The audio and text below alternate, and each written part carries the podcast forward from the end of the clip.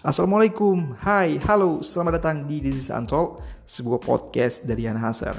Materi-materi yang ada di podcast ini merupakan materi-materi yang berkaitan dengan self-development, self-improvement, how to build business from scratch, self-awareness, dan juga pesan-pesan kegagalan yang dirangkai menjadi kalimat-kalimat motivational yang berasal dari pengalaman Yen Hazer dan juga sejumlah teman-teman yang nanti juga akan kita angkat kisahnya di podcast ini. Jadi di mana pun kamu berada saat ini, please enjoy This is Untold.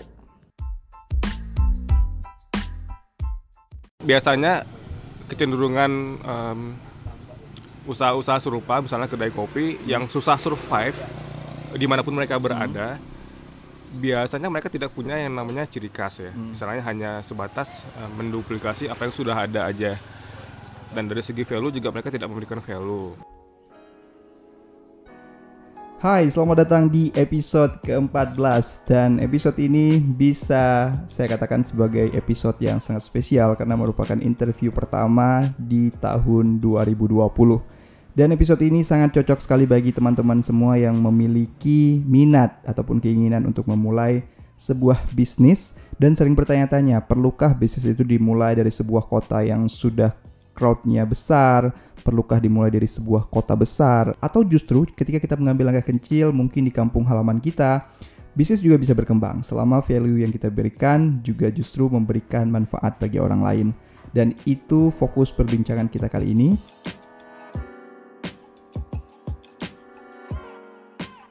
Oh iya, sebelumnya saya ingin ngasih tahu dulu ya bahwa ambience yang kalian rasakan di podcast kali ini sangat relate sekali dengan kedai kopi. Kenapa? Karena keseruan episodenya di record di sebuah kedai kopi. Jadi kalau kalian mendengar ada suara susu yang lagi di steam, suara mesin kopi yang baru dinyalakan, suara perbincangan antara waiter, waitress dan juga customer itu merupakan real karena di record di sebuah kedai kopi. Saya harap itu tidak mengganggu ilmu dan perspektif yang akan dibagikan di podcast ini. Jadi, tunggu apa lagi? Ini dia episode selengkapnya.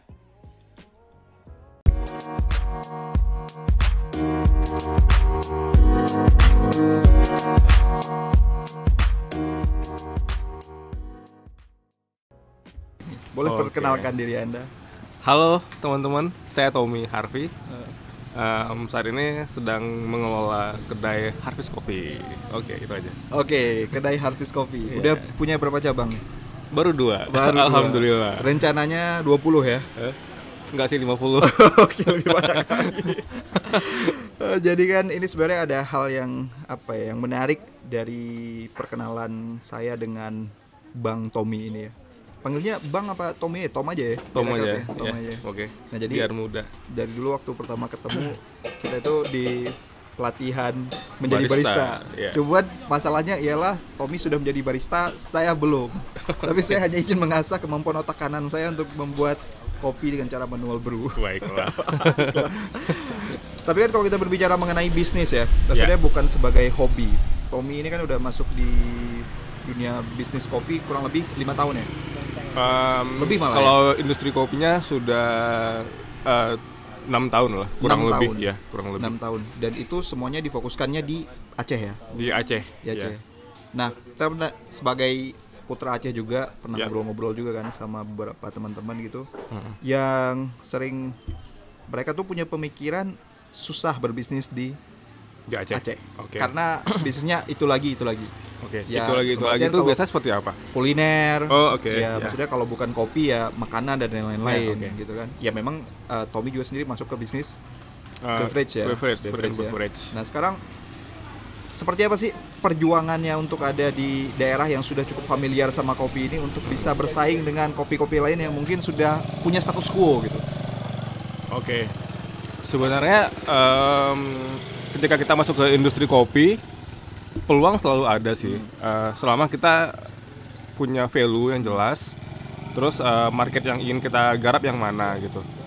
Karena biasanya kecenderungan um, usaha-usaha serupa misalnya kedai kopi yang susah survive di mana pun mereka berada hmm. biasanya mereka tidak punya yang namanya ciri khas ya. Hmm. misalnya hanya sebatas uh, menduplikasi apa yang sudah ada aja dan dari segi value juga mereka tidak memberikan value nah jadi dari situlah um, timbul yang namanya kesulitan ya untuk survive bisnisnya gitu. Oke, berarti hanya mengikuti yang sudah ada ya. Iya, mengikuti sudah ada tanpa membuat hal-hal yang baru gitu. Kalau Harvey nggak mengikuti siapa pun. Hmm, sebenarnya kita terinfluence juga. Eh, kalau saya bilang ini eh, ide orisinil itu tidak benar ya. Ah, gitu. Karena nggak ada yang orisinil dunia ini ya. saya sendiri sebenarnya eh, banyak terinspirasi dari kedai-kedai kopi yang eh, sudah beredar di ibu kota. Eh, jadi mereka, saya mengambil beberapa em, inspirasi dari sana, baik dari semacam eh, konsep maupun cara mereka memberikan value di kedai kopinya. Nah itu yang saya coba bangun di Harvest Kopi di Banda Aceh. Dan karena saya punya keyakinan bahwa di Aceh ini em, menurut saya gitu em, sebuah usaha yang memberikan value itu belum banyak. Nah, jadi kalau saya memulai memulai dengan value itu setidaknya akan jadi langkah yang start yang lebih eh, lebih baik lah. Tapi cara menghadirkan value ini supaya orang tahu gitu ya. Ya, Dalam artian kan ada juga mungkin Iya. usaha-usaha jenis lain yang berpikir mereka sudah memberikan value. ya. Tapi ternyata ya begitu nggak bertahan lama. Ah. Nah untuk mendefinisikan value, itu Value. sampai orang bisa menangkap Ya. apa yang dilakukan selama bertahun-tahun Oke. menjalani bisnis kopi ini. Sebenarnya saya sendiri awalnya masih kebingungan sih Ah. masalah value itu apa gitu kan. Heeh. Tapi seiring waktu saya belajar, saya bertemu dengan banyak orang, makna value itu seenggaknya tidak lagi abstrak. Jadi sudah mulai tergambar jelas lah. Nah di Harvest sendiri eh, value-nya itu tidak hanya sebatas pada em, satu dimensi gitu. Jadi dimensi yang em, dimensi value yang saya hadirkan di Harvest itu lebih luas sebenarnya. Baik dari segi eh, cara kita berinteraksi dengan konsumen, baik dalam hal kita memilih lokasi usaha kita, Iya, selalu lokasinya unik ya. ya, sampai pada ambience yang kita bangun di kedai kopinya. Nah, itu akhirnya perpaduan hal-hal itu akan memberikan value dan experience yang berbeda di mata konsumen dan itulah yang membuat kita itu akan lebih dikenal sama konsumen. Oke, berarti ada juga yang berkata lokasi itu menentukan prestasi. Dalam artian ya lah Ya. ketika dapat Pepatah lokasi lama. Pepatah, ternyata itu pepatah lama ya. Oke. Itu berarti sudah dipatahkan sama Harvis ya. Sebenarnya bukan hanya Harvest sih. Ah. Eh, sudah banyak seorang Sudah yang banyak ya. berkeyakinan demikian ya. Misalnya lokasi tidak selalu eh, menjadi Menentukan prestasi. menentukan prestasi. apalagi di zaman sekarang gitu kan. Digital sekarang ini ya ada banyak sekali lah instrumen-instrumen yang bisa digunakan untuk membantu seseorang menemukan suatu tempat. Mhm. Jadi ya saya pikir lokasi tidak lagi relevan harusnya Tapi selama value itu bisa dikomunikasikan dengan baik ya. dengan baik, Ya, orang akan datang sendiri ya. harusnya seperti Harusnya itu. seperti itu ya. Ya, ya. Karena kalau kita perhatikan lokasinya Harvis sendiri kan ah, nggak nggak benar-benar di jalan raya yang besar gitu. Karena Benar, kan biasa benar. kedai kopi harusnya di jalan strategis, tapi ini agak di tengah pemukiman gitu Iya. kan, tengah pemukiman. bukan daerah komersil ya. bukan daerah komersil Iya, gitu iya, maksudnya. Nah, itu kan awalnya punya keyakinan seperti itu gimana sih dalam artian banyakan banyakan orang-orang yang mulai bisnis dari daerah Iya. gitu, berpikir akan sulit karena mungkin crowdnya nggak ada. Iya. Nah waktu itu apa sih yang memutuskan selain harganya murah? Karena pasti kalau bukan daerah komersil harganya murah. Iya. Iya kan? baru gue bilang itu Baru baru Oke. nah sebenarnya kalau di awal-awal itu memang kita tidak terlepas dari alasan yang pertama ya, karena kita terkendala di uh, budget, Hmm. Budget. buat sewa. Tapi em, saya sendiri punya pemahaman yang dari literasi ya, Hmm. dari literasi yang saya peroleh bahwa kedai kopi itu harusnya menjadi tempat di mana eh, orang-orang itu bisa berkumpul, Hmm. bisa bersilaturahim dan em, di Banda Aceh khususnya saya lihat kedai kopi yang berada di tengah pemukiman, pemukiman itu nggak ada. Sementara di negara maju, contohnya Jepang misalnya, itu kedai-kedai kopi itu justru ada di pemukiman. Udah masuk di Ah, ah. daerah ya. Ah, ah. Terus saya berpikir kenapa enggak ah, konsep tempat seperti ini kita terapkan di Aceh. Hmm. Toh orang Aceh juga gemar bersilaturahim. Hmm. Ya udah, sesimpel itu. Misalnya eh, kenapa nggak kita mengembalikan eh, makna kedai kopi sebagai tempat silaturahim itu di di daerah kita sendiri gitu. Kenapa kita harus selalu mengikuti orang lain yang membu- membuat kedai kopi di daerah komersil gitu. Berarti value-nya memang dihadirkan apa ya? Tetap disesuaikan dengan Benar. kebutuhan ya karena orang. Aceh itu suka Silaturahim. nongkrong ya. satu sisi saya juga punya semacam em, eh, keinginan gitu kan, suatu mimpi gitu bahwa eh, usaha harvest ini harusnya bisa menjadi em, sebuah kendaraan lah yang bisa mendistribusikan eh, manfaat ya atau rezeki lah buat orang-orang sekitar. Nah, saya pikir hal ini tepat eh, jika saya membuat kedai kopi harvest di tengah pemukiman. Seenggaknya saya membuat eh, semacam peluang lah buat tetangga-tetangga sekitar bisa buat jualan gitu. Oke, Iya. dan juga mungkin uh, ada penduduk lain, warga lain yang datang Ha- ngopi dan juga bisa berbelanja di sekitar Iya, Harvest ya. iya. Boleh kan tapi? boleh, Boleh, boleh, ya. boleh. Kalau Kan- bawa makanan ke Harvest boleh kan? boleh karena emang di harvest harvest kopi yang ada di Kampung Keramat ini Heeh. kita tidak menyediakan makanan Heeh. karena harapannya adalah kita ingin membuat tetangga-tetangga kita itu ikut aktif lah berpartisipasi dalam kegiatan ekonomi ya ya entah mereka jualan atau mereka menitip produk di harvest kita tidak mengenakan biaya sewa atau mengambil untung apa pun jadi kita hanya sebatas membantu jual Serius? ya bantu jual Sama aja. sekali bukan si- sistemnya consignment gitu, Ya. ada potongan. ini yang produk-produk nih Hah? nah itu produk tetangga semua Oke. Nah, lu itu- tetangga ini. Iya, Oke. tetangga Kampung Keramat. Mereka jualan di sini dan kita nggak ngambil untung. Kita hanya bantu jual. Wow. Dan tetangga kita yang yang tiga rumah ini yang ke belakang Ah, itu dekat sini juga. ah. Beliau juga jualan makanan berat kayak ayam penyet, nasi goreng gitu. Jadi titip menu di sini. Ada nomor handphonenya, jadi customer bisa langsung Hubungin, menu, ah. hubungin langsung dan dia bakal ngantar. Gitu. Oke. Itu tit- tanpa dikenakan biaya apa pun. itu hal yang apa ya agak sulit mungkin kalau kita perhatikan di Iya. sebelah kafe kan ada tulisan dilarang bawa makanan dari luar gitu kan no food and beverage Oh, oke, outside ya, iya ya, kan? ya, ya, ya. ternyata harus masuknya di sini ya. Cerdik sekali anda. Ya karena kita juga nggak menyediakan makanan Oke. kan. Jadi saya pikir angka baiknya kalau makanan ini bisa disediakan sama tetangga gitu. tapi dulu kan dalam proses harvest Iya. sampai dengan sekarang ada banyak lah proses yang dilewatin. Termasuk ya selalu kalau kita berbicara dengan pengusaha-pengusaha yang berbisnis yang memulai suatu bisnis dalam artian berbeda dari yang lain ya. pasti pernah punya satu momen meragukan diri sendiri. Oke meragukan diri sendiri oke. Pernah nggak ngalamin itu? Sering lah udah pasti ya. Sering malah ya? sering ya. Namanya struggling. Saya, saya juga sebenarnya sampai sekarang juga struggling sih. Ah. tapi yang momen di mana saya sendiri ragu atas atas apa yang saya pilih atas keputusan apa yang saya sudah eh, canangkan gitu selalu ada keraguan Oke. biasanya itu fase paling beratnya kapan sih itu fase paling berat terutama pas bisnis kita lagi drop ya tahun dua tahun lalu kalau nggak salah Eh, ya di tahun 2017. 2017 2018 karena ketika bisnis sedang drop akan banyak sekali hal-hal negatif ya yang Ah. kita hadir di dalam diri kita gitu Ah. entah itu kita menganggap keputusan saya salah oh kayaknya cara saya salah Hmm. pokoknya berbagai, berbagai macam hal negatif itu biasanya akan hadir gitu. tapi pernah berpikir nggak ini kayaknya Aceh bukan tempat yang tepat lagi nih harus pindah ke satu kota yang Hmm, lebih oke. banyak lagi penduduknya waktu itu saya berpikir gini sih em, saya juga belajar dari teman-teman sekitar saya gitu ketika mereka sedang drop sedang down mereka cenderung akan menyalahkan eh, hal-hal di sekeliling mereka ya biasanya menyalahkan karyawannya terus ujung-ujungnya menyalahkan ekonomi di daerahnya gitu kan saya berpikir em, bisnis kedai kopi atau bisnis makanan minuman kenapa bisa sampai ngefek ke daya beli masyarakat gitu ya Oke. kayaknya nggak nggak nyambung gitu nyambung ya. karena kopi udah jadi hal yang harus dikonsumsi aja gitu ya ya ibaratnya gini lah eh, toh ses- se- sesusah apa pun orang mereka tetap makan ya tetap makan dan tetap minum lah gitu jadi yang waktu itu yang saya pikir adalah jika ada sesuatu yang salah dengan bisnis saya gitu. Berarti ada yang salah dengan diri saya gitu. Gitu ya kan?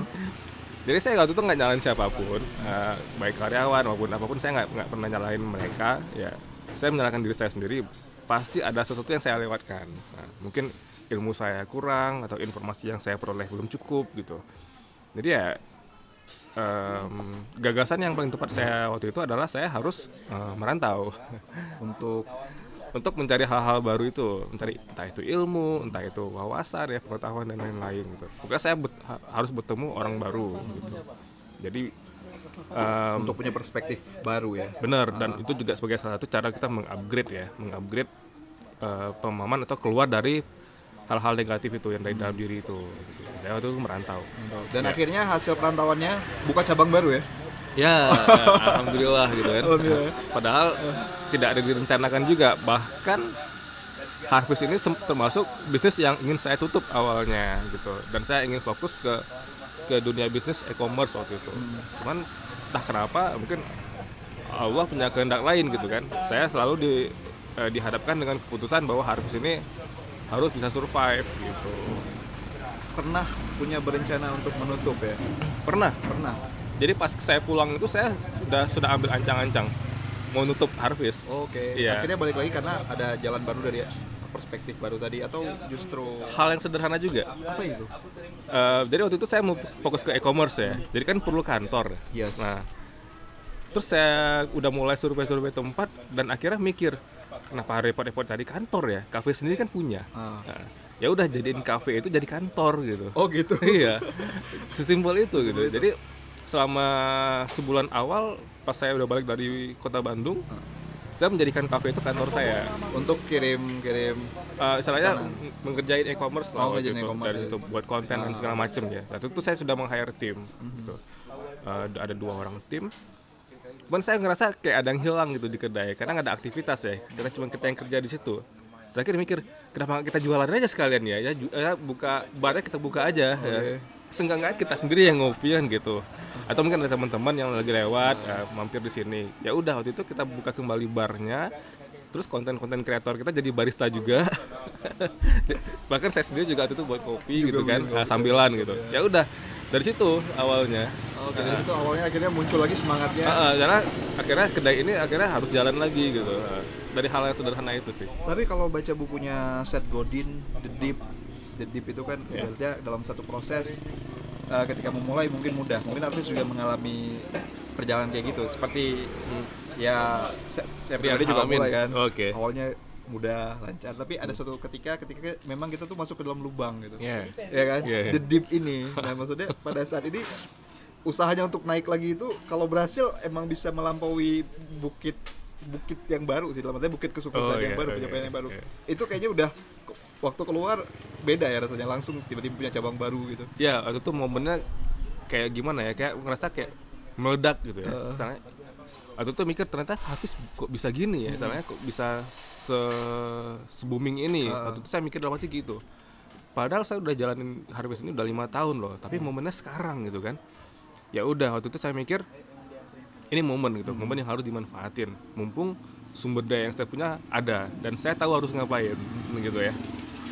Akhirnya ya eh, momen terbaiknya adalah pas di tiga bulan yang lalu ya kita mulai berpikir untuk ekspansi tapi ekspansi tersebut juga punya alasan. Jadi kedai kita yang di Lamprit itu kedai pertama kita sudah full capacity gitu. Wow. Bahkan orang yang beli take away juga udah terlalu panjang antrinya. Oke dan kita udah mulai merugikan masyarakat sekitar Ah, tidak ah. lagi dikasih manfaat karena orang parkir tuh udah sembarangan Udah sembarangan. Hmm, jadi saya itu mikir gimana caranya traffic ini harus dipecah Hmm. jadi jawabannya adalah harus dibuka cabang di daerah yang tidak terlalu jauh dari tempat eh, cabang pertama gitu dari data es Dari gitu, data, AS. oke. dari data yang saya kumpulkan gitu kan saya juga ngambil keputusan biasanya berdasarkan data Hmm. konsumen saya tuh kebanyakan eh, itu di wilayah daerah-daerah ini Hmm. gitu Tommy sendiri kan mulainya dari kopi kopi Ya. dan itu kan awalnya hobi. Hobi. dan bahkan jualannya juga kalau nggak salah nggak disengaja ya Ya. Jualannya juga nggak disengaja gitu ya Ya. memberikan Silakan, profit kan iya. ya kan tapi Karena- bagi sebagian orang juga ada sengaja untuk ingin berdagang atau Iya. ingin berbisnis ternyata belum ketemu momentumnya ya nemu feel-nya ya Iya, itu Iya, iya.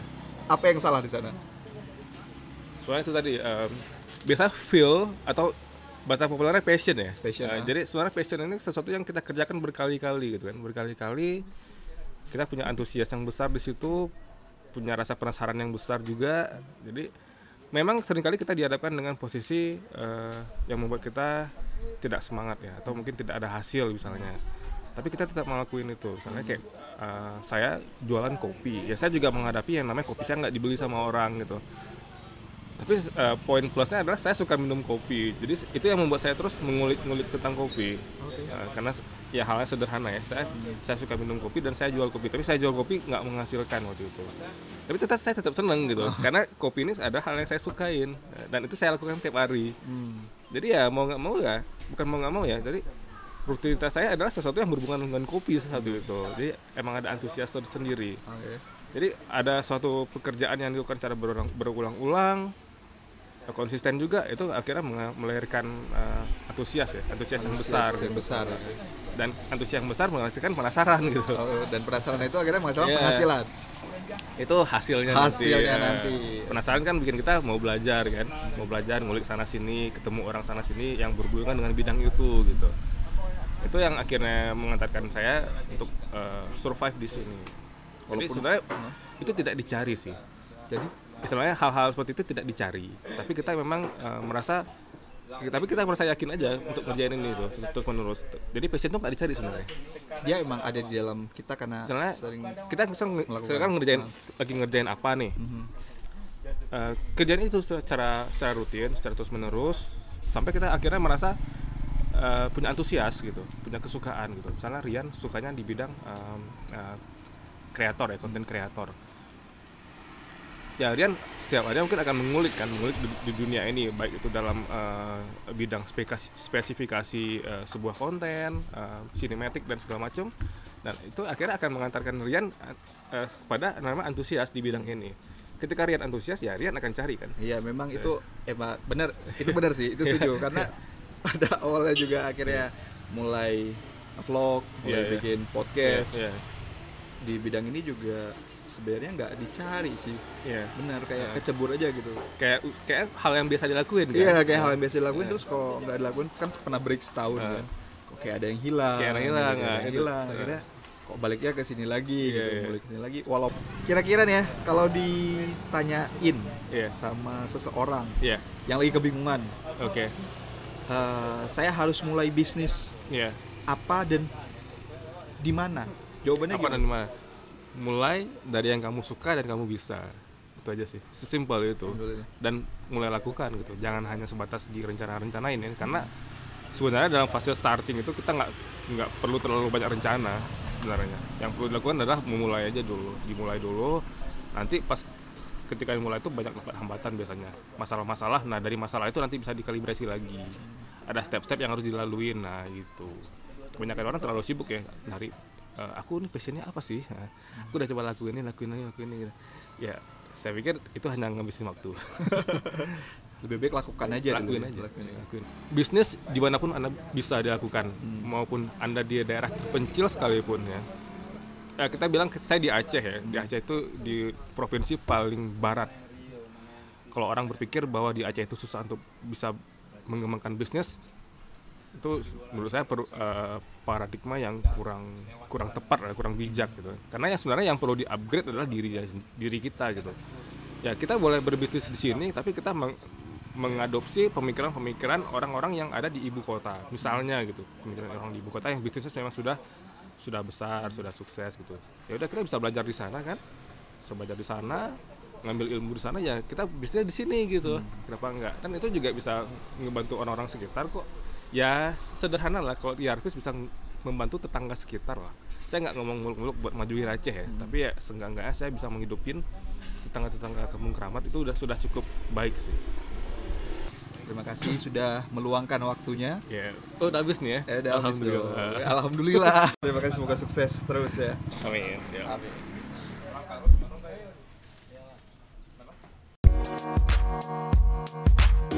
We'll be right.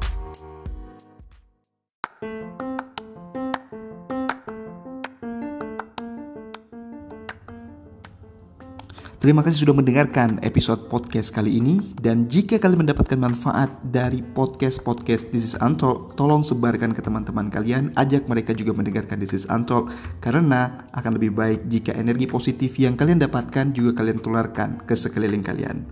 Sampai bertemu di episode selanjutnya di This is Untalk.